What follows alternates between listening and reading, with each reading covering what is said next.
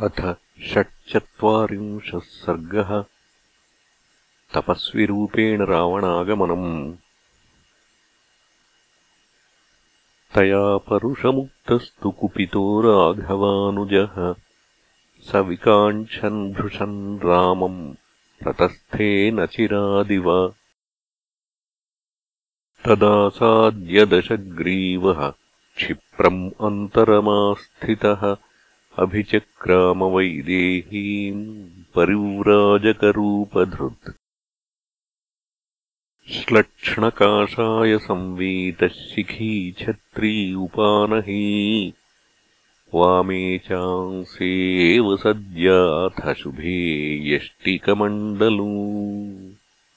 परिव्राजकरूपेण वैदेहीम् समुपागमत् तामाससादातिबलो भ्रातृभ्याम् रहिताम् वने। रहिताम् चन्द्रसूर्याभ्याम् सन्ध्यामिव महत्तमः।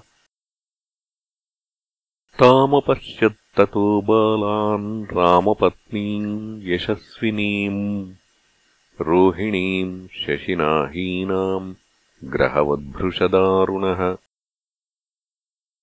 तमुग्रम् पापकर्माणम् जनस्थानरुहाद्रुमाः समीक्ष्य न प्रकम्पन्ते न प्रवाति च मारुतः। शीघ्रस्रोताश्च तम् दृष्ट्वा वीक्षन्तम् रक्तलोचनम्।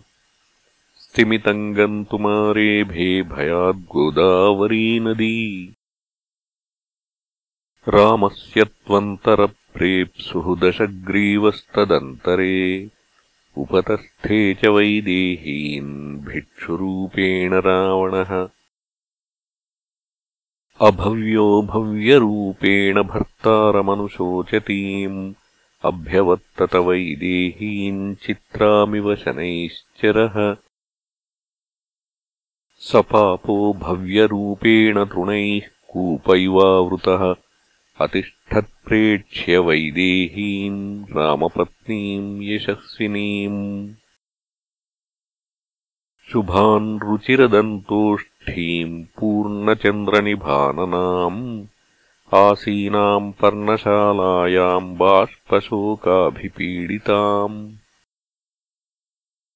स ताम् पद्मपलाशाक्षीम् पीतकौशेयवासिनीम् अभ्यगच्छत वैदेहीम् दुष्टचेता निशाचरः। स मन्मथशराविष्टो ब्रह्मघोषम् उदीरयन् अब्रवीत्प्रश्रितम् वाक्यम् रहिते राक्षसाधिपः। तामुत्तमाम् स्त्रियम् लोके पद्महीनामिव श्रियम् विभ्राजमानाम् वपुषा रावणः प्रशशंसः का त्वम् काञ्चनवर्णाभे पीतकौशेयवासिनि कमलानाम् शुभाम् मालाम् पद्मिनीव हि बिभ्रती। ह्रीः कीर्तिः श्रीः शुभालक्ष्मीः अप्सरा वा शुभानने। भूतिर्वा त्वम् वरारोहे रतिर्वा स्वैरचारिणी समाशिखरिणः स्निग्धाः पाण्डुरादशनास्तव। विशाले विमले नेत्रे रक्तान्ते कृष्णतारके। विशालम् जघनम् पीनम् ऊरू करिकरोपमौ एता उपचितौ वृत्तौ संहतौ सम्प्रवल्गितौ। पीनोन्नतमुखौ कान्तौ स्निग्धौ ताळफलोपमौ मणिप्रवेकाभरणौ रुचिरौ ते पयोधरौ। चारुस्मिते चारुदति चारुनेत्रे विलासिनि मनोहरसि मे कान्ते नदीकूलमिवाम्भसा। नैव देवी न गन्धर्वी न यक्षी न च किन्नरी नैवम् रूपा मया नारी दृष्टपूर्वामहीतले रूपमग्र्यम् च लोकेषु सौकुमार्यम् वयश्च ते इह वासश्च कान्तारे चित्तमुन्मादयन्ति मे। सा प्रतिक्रामभद्रन्ते न त्वम् वस्तुमिहार्हसि। राक्षसानामयम् वासो घोराणाम् कामरूपिणाम्। प्रासादाग्राणि रम्याणि नगरोपवनानि च सम्पन्नानि सुगन्धीनि युक्तान्याचरितुम् त्वया। वरम् माल्यम् वरम् भोज्यम् वरम् वस्त्रम् च शोभने भर्तारम् च वरम् मन्ये त्वद्युक्तमसि ते क्षणे। का त्वम् भवसि रुद्राणाम् मरुताम् वावरानने वसूनाम् वावरारोहे देवता प्रतिभासि मे नेह गच्छन्ति गन्धर्वा न देवा न च किन्नराः। राक्षसानामयम् वासः कथम् नु त्वमिहागता। इह शाखामृगाः सिंहाद्वीपिव्याघ्रमृगास्तथा। वृक्षास्तरक्षवः कङ्काः कथम् तेभ्यो न बिभ्यसि मदान्वितानाम् घोराणाम् कुञ्जराणाम् तरस्विनाम् कथमेकामहारण्ये न बिभेषि वरानने। कासि कस्य कुतश्चित्त्वम् किन्निमित्तम् च दण्डकान् एकाचरसि कल्याणि घोरान् राक्षससेवितान्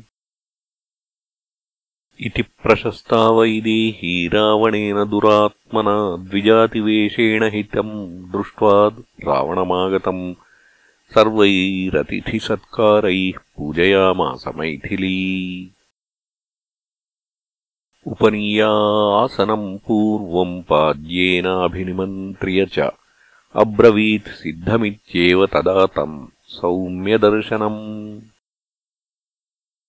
द्विजातिवेषेण समीक्ष्य मैथिली समागतम् पात्रकुसुम्भधारिणम्। अशक्यमुद्वेष्टुमपायदर्शनम् न्यमन्त्रयद्ब्राह्मणवत्तदाङ्गना। इयम् वृषी ब्राह्मणकाममास्यताम् इदम् च पाद्यम् प्रतिगृह्यतामिति इदम् च सिद्धम् वनजातमुत्तमम् त्वदर्थमव्यग्रमिहोपभुज्यताम्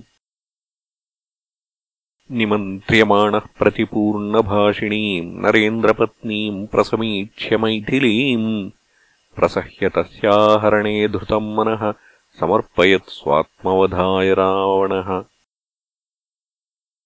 ततः सुवेशम् मृगयागतम् पतिम् प्रतीक्षमाणा सह लक्ष्मणम् तदा विवीक्षमाणा हरितम् ददर्श तत् महद्वनम् नैव तु रामलक्ष्मणौ